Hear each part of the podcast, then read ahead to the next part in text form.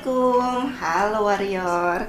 Saya dengan Coach Endang dari Keto Fitness Indonesia dan Binaraganet. Bincang-bincang kali ini siapa sih bintang tamu kita? Hmm, dia adalah seorang wanita hebat yang uh, dulunya dia seorang lawyer, kemudian sekarang sih sepertinya sudah alih profesi ya.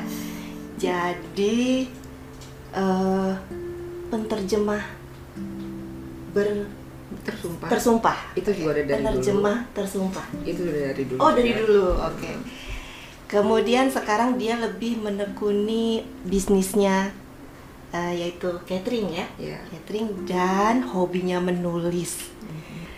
Eh, siapa dia?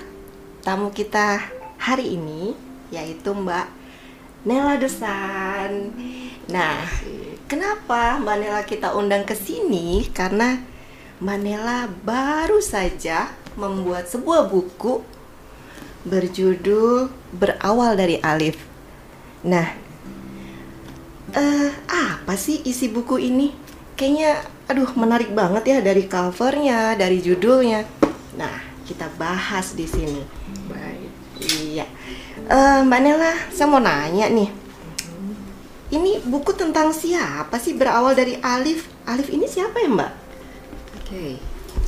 Sebelumnya saya terima kasih dulu sama Mbak Endang sudah memberi saya kesempatan ngobrol di sini Nah, dari Keto Fitness Indonesia dan juga Binaraganet Net. Terima kasih. Saya bisa hadir di studio yang keren banget ini ya.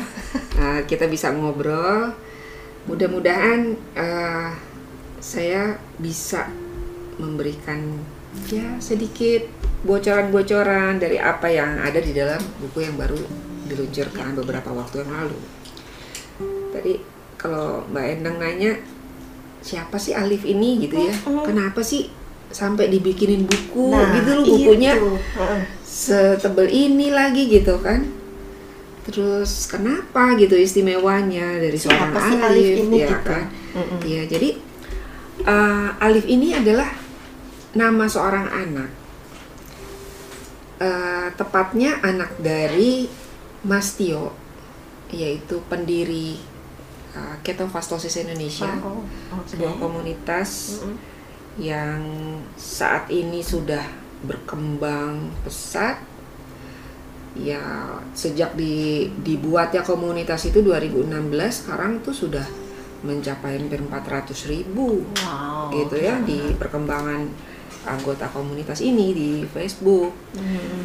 Tapi justru saya tertarik menulis tentang Alif ini adalah karena sedemikian dahsyatnya gitu ya ilmu yang di diajarkan oleh Mas Tio gitu manfaat dari dari dari ilmu tentang ketofastosis yang dirasakan ratusan ribu orang gitu Mm. itu kan mesti ada satu dong sebabnya di awal gitu kan Iya. ternyata Mm-mm. itu semuanya tuh berawal dari Alif Oh gitu. ya ini putranya Mas Tio dan Mbak Lina Mm-mm. jadi ayah Tio dan Bunda Lina ini mereka punya satu seorang putra bernama Alif nah jadi tentu pertanyaannya kan emangnya kenapa Alif Iya, sampai istimewa apa banget gitu gitu, kan ya Mbak Endang jadi Alif ini.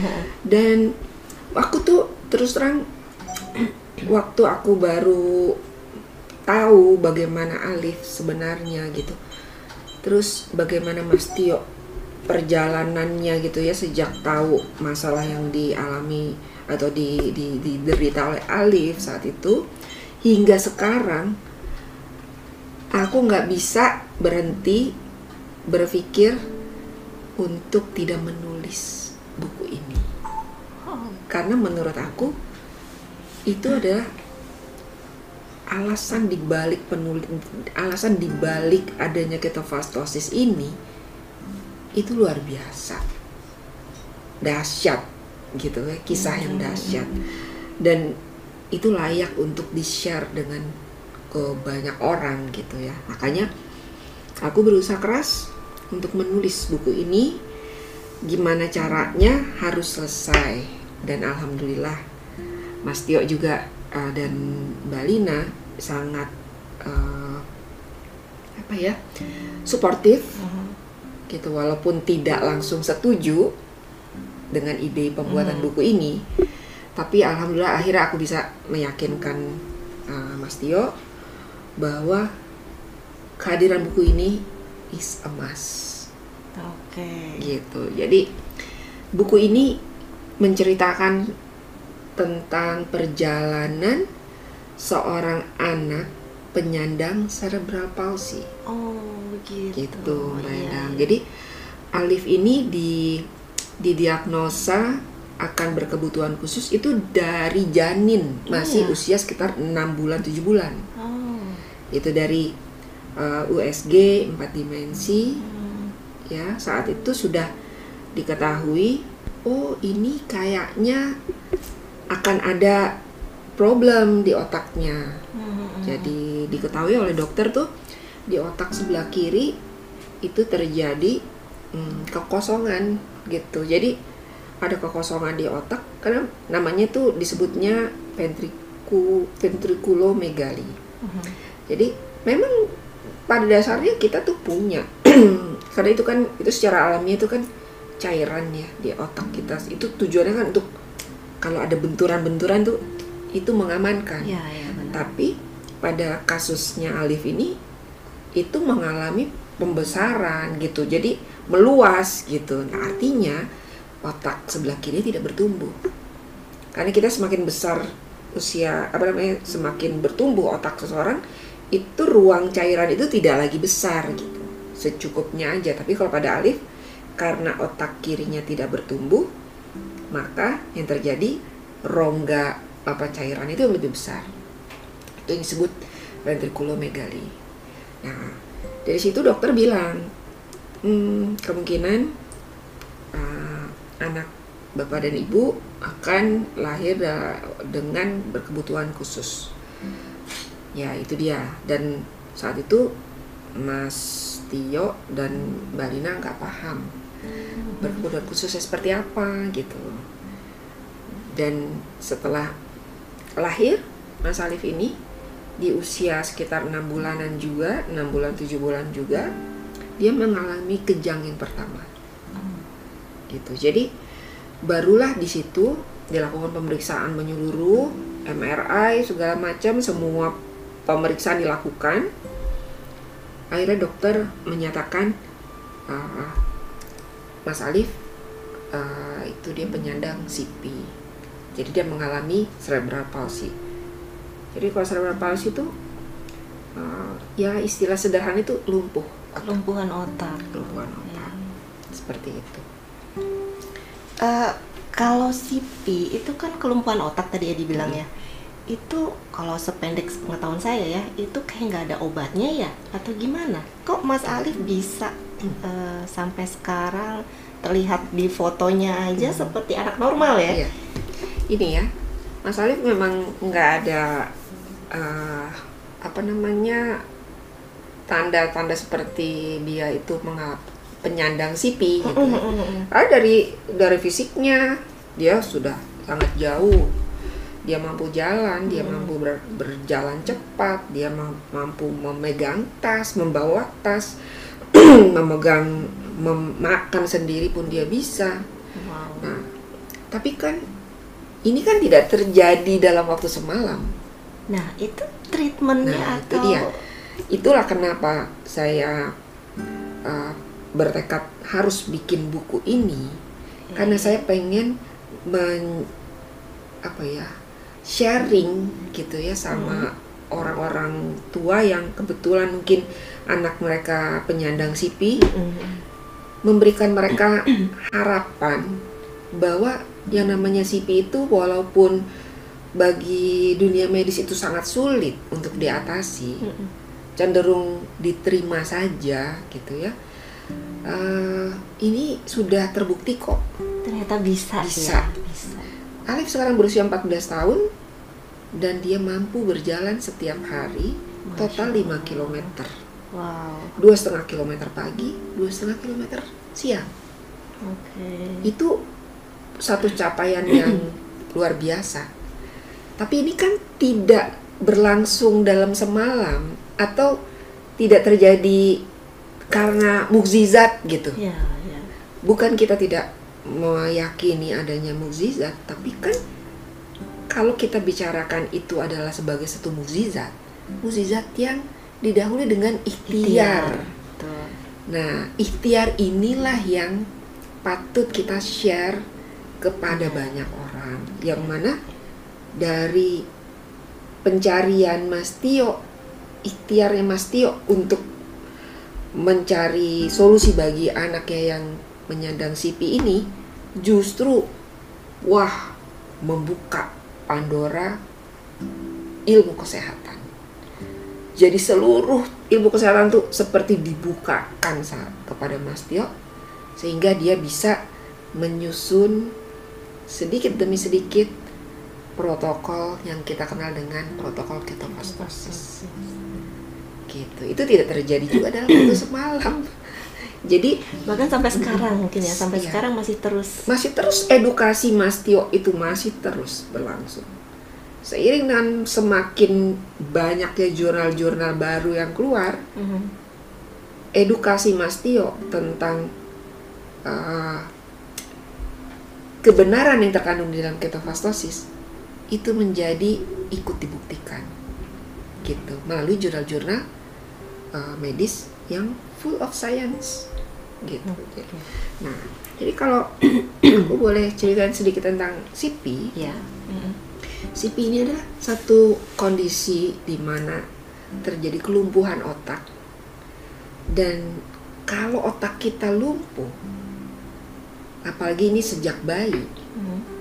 itu yang pertama terjadi itu adalah putus hubungan antara otak sebagai pemberi perintah dengan otot Iya, iya. Salah satunya di anak CP yang sangat dominan itu kelihatannya adalah makanya mereka banyak yang terkulai gitu kan, Hmm. banyak yang Hmm. belum bisa balik badan, merangkak, apalagi berjalan. Itu karena perintah otak itu nggak nyambung dengan Nggak nyampe jaringan ke syaraf yang memerintahkan eh, otot gitu. Jadi di dalam eh, tubuh manusia itu ada yang namanya somatic nervous system. Mhm. Jadi somatic nervous system itu adalah jaringan syaraf dari otak yang memerintahkan ke jaringan otot. Jadi seluruh otot kita ini semuanya tuh tunduk di bawah perintah otak Iya. begitu otaknya tidak bisa memberikan perintah kepada otot, nah di situ problemnya. Otot itu tidak ada yang melatih, tidak ada yang memerintah, otot tidak digunakan. Pada saat otot tidak digunakan, maka tidak heran kondisi umum anak-anak yang mengalami CP mengalami kekakuan otot. Jadi begini ototnya. Atau kalau kakinya itu jadi bertautan seperti ini.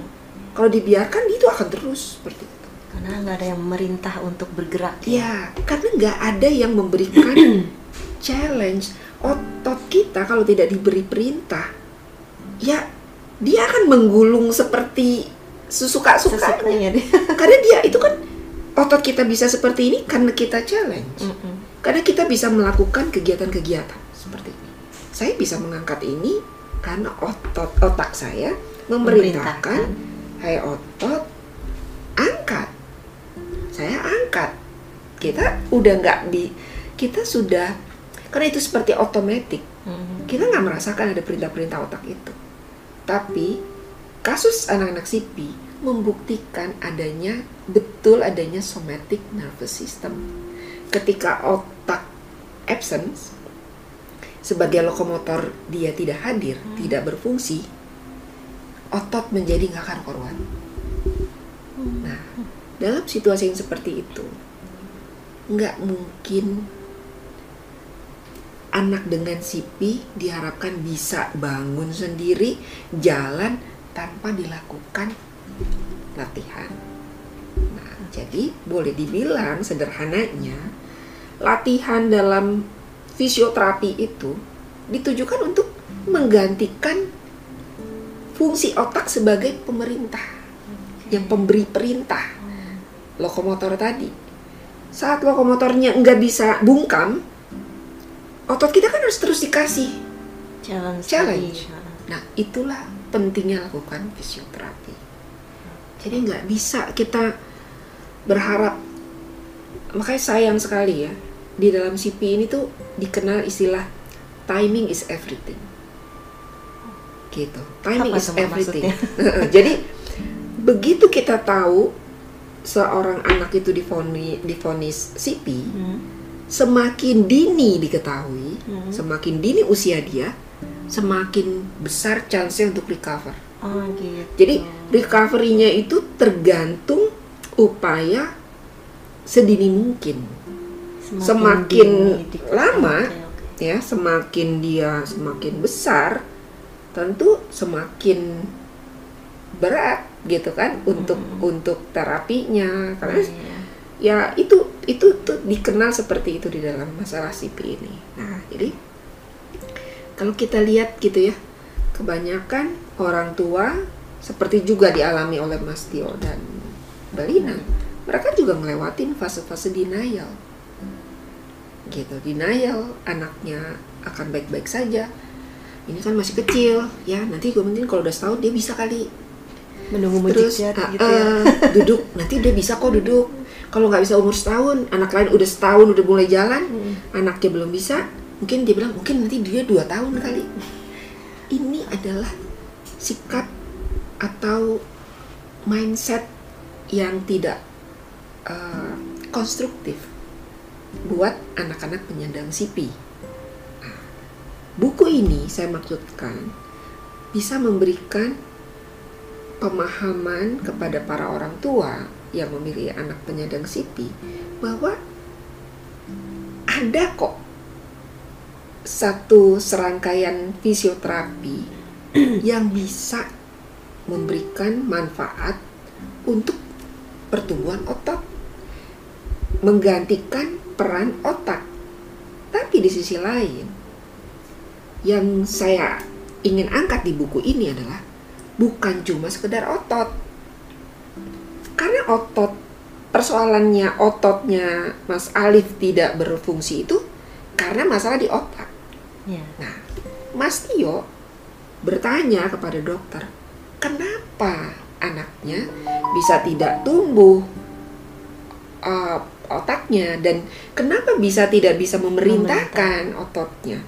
Nah, itu ada satu pernyataan dokter yang menjadi pemicu Mas Tio untuk terus mengejar mencari jawaban. Pertanyaan pernyataan dokter itu sangat simpel dokter cuma bilang menutup percakapannya dengan Mas Tio juga kayak seperti menutup harapan dengan bilang ya gimana mielinnya tipis gak bisa apa-apa mielinnya tipis Iya tipis.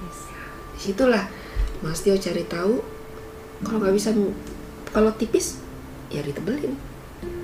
Gitu. Jadi dokter bilang nggak sesimpel itu bro gitu kan. Siapa bilang gitu loh kalau mielin tipis terus ya udahlah minum sesuatu. Biar tebel mielin Iya, kan. iya. nggak bisa begitu. Dan yang kita bicarakan ini adalah seorang ayah yang nggak punya background medis. Dia insinyur. Mhm. insinyur elektro. Tapi mm, cintanya dia sama anaknya ini kan membuat dia pokoknya apa pun akan dia lakukan.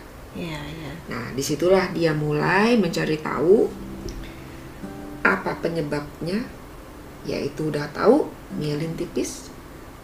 Dia lanjut dengan mencari solusinya dan ini terjadi di tahun 2008 nah 2008 Mas Alif itu lahir. Berarti sekitar tahun 2010 tahun 2010 dia mulai melakukan pencarian. Ya kan? Di saat Mas Alif usia menjelang usia 2 tahun. Nah, buku ini menjelaskan bagaimana perjuangan antara seorang ibu dan seorang ayah dalam melakukan apa ya usaha mereka untuk bisa membuat anaknya mampu berdiri dan kalau Mas Tio terobsesi sama gimana cara menebalkan mielin. Nah, kan itu memang berdampak. Absensinya otak sebagai lokomotor itu akibat mielin tipis. Ada ada namanya white matter gitu. ya. Itu tipis. Jadi semakin tipis mielin seseorang, neuron yang ada di otaknya itu tidak bisa memberikan perintah yang maksimal. Kadang-kadang kan itu kan lompatan-lompatan listrik gitu ya Hmm. untuk dari neuron ke neuron itu kan ada pertemuannya ada ada sinaps ada segala macam itu teknikal ya. Tapi intinya adalah kalau neuron itu eh, normal, kecepatan itu dalam memberikan perintah termasuk me- mem- menggerakkan otot itu sangat cepat. Itu semua listrik. Tapi kalau kondisi neuron ini seperti telanjang karena nggak ada mielinnya, nggak ada pelapisnya, itu dia kalau ada gelombang di sini sampai ke sininya tuh kempes gitu nggak nyampe nggak gitu ya. nyampe. Jadi nggak cukup gitu. Lompatan itu diterima ala sama neuron yang penerimanya Hmm, gitu. hmm, hmm. res- eh, reseptornya. Sehingga sampailah perintah itu sesuai dengan yang dimauin otak. Jadi dengan situasi yang kayak begitu Mas Dio mulai perjalanannya dia untuk mencari cara untuk menebalkan mielin seperti itu. Oke. jadi CP ini dua hal. PR besarnya anak penyandang CP itu dia menghadapi dua hal terberat ya. Itu dua hal yang harus dikerjakan. Otot, Otot dan otak. otak. hanya otot saja itu cuma sekedar eh, kita menerima otak dia itu nggak akan pernah hadir. Kalau cuma otot doang. Mhm. Jadi dia harus terus berlatih dari luar. Harapan untuk satu hari nanti otaknya dia akan mampu memerintah. Itu nggak terjadi kalau kita cuma pakai jalur ototnya Terapi, aja. uh-uh. Fisioterapi itu tidak men- tidak menebalkan mielin. Mhm. Nah, yang menarik adalah ketika Mas Tio sampai pada kesimpulan, oh ternyata mielin itu bisa ditebalkan. Dia cari semua jurnal-jurnal. Sampailah dia sampai pada beberapa eh, apa namanya ikhtiar. Ada yang make sense, ada yang nggak make sense, ada yang rasional, ada yang tidak rasional, ya kan? Ada yang sifatnya fisika, ada yang metafisik juga gitu kan, sampai yang eh, bawa Mas Alif dibawa ke Dicoba semua orang sama pinter. Itu maksudnya orang sekitar dia tentu kan karena kasih sayang ya Hmm. itu tentunya kan pengen yang terbaik buat Mas Alif karena belum paham bahwa CP itu adalah technical Mhm.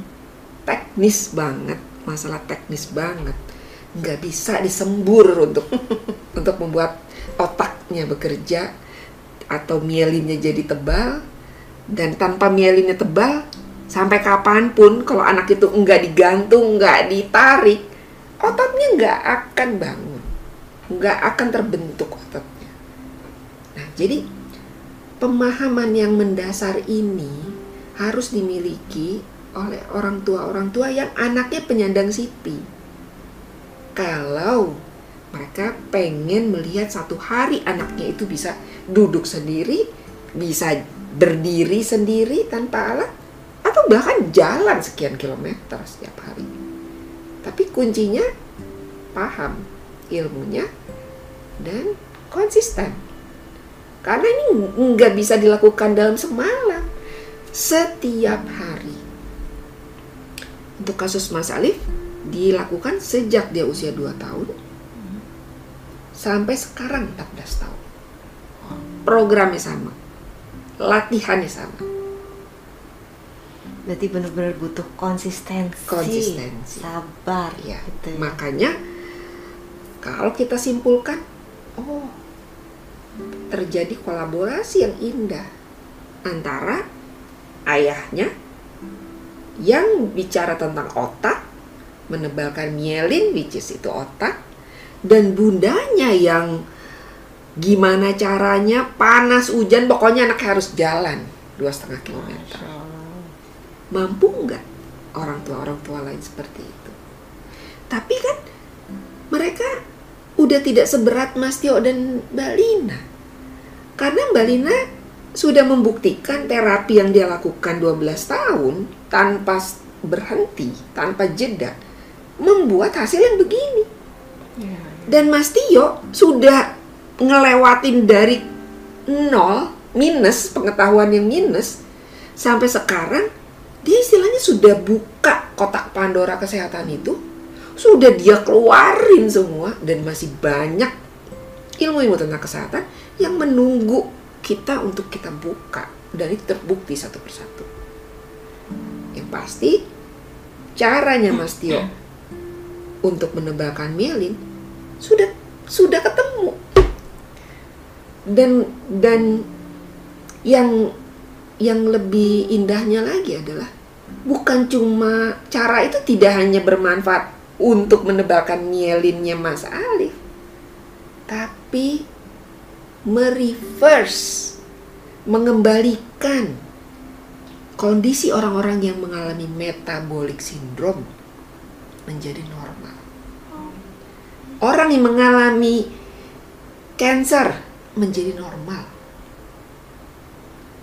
Nah, makanya menurut saya seorang guru bagi saya Mas itu seorang guru dan saya mau bukan cuma komunitas ketofastosis yang tahu bahwa ada loh seorang Indonesia mm-hmm. asli orang mm-hmm. Indonesia asli yang mampu memetakan gitu ya, memetakan kesehatan, ilmu tentang kesehatan itu melebihi pemahaman seorang dokter.